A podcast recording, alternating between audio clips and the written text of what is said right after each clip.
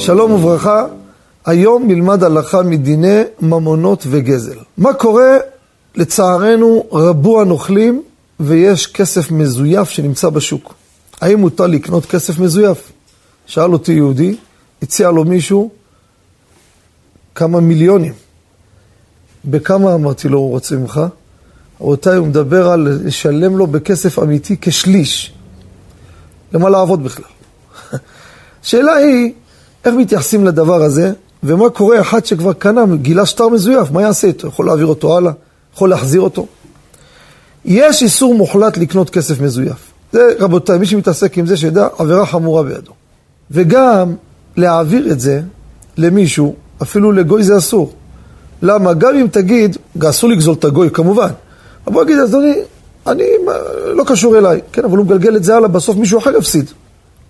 זה ברור, אבל דבר חשוב אני רוצה לומר, מי שהביאו לו שטר מזויף, זה שהביא לו, הוא מתקשר אליו, אומר לו, תשמע, השטר הבאת לי מזויף, הנה זה הכסף, זה בכיס הזה, לא במקום אחר, זה הכסף. אז תחזיר לי אותו. הוא לא, מה אני אעשה? אם אני אחזיר לו אותו, אמשיך לגלגל את זה. אם אני לא אחזיר לו אותו, לא רוצה להחזיר לי את הכסף. רבותיי, הלכה למעשה, תשמעו טוב. אפילו עם זה שנתן, אני יודע שהוא גנב.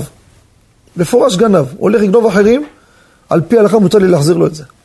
למה? היה פה מקח טעות. איך אני אקבל את הכסף שלי בחזרה? ראיתי לך משהו לא נכון, תחזיר לי אותו. מה, אתה בא לחנך אותי? לכן במקרה כזה אני אחזיר לו אותו, הוא יחזיר לי את הכסף האמיתי. מה שעושה מכאן והלאה זה בעיה שלו. תודה רבה וכל טוב.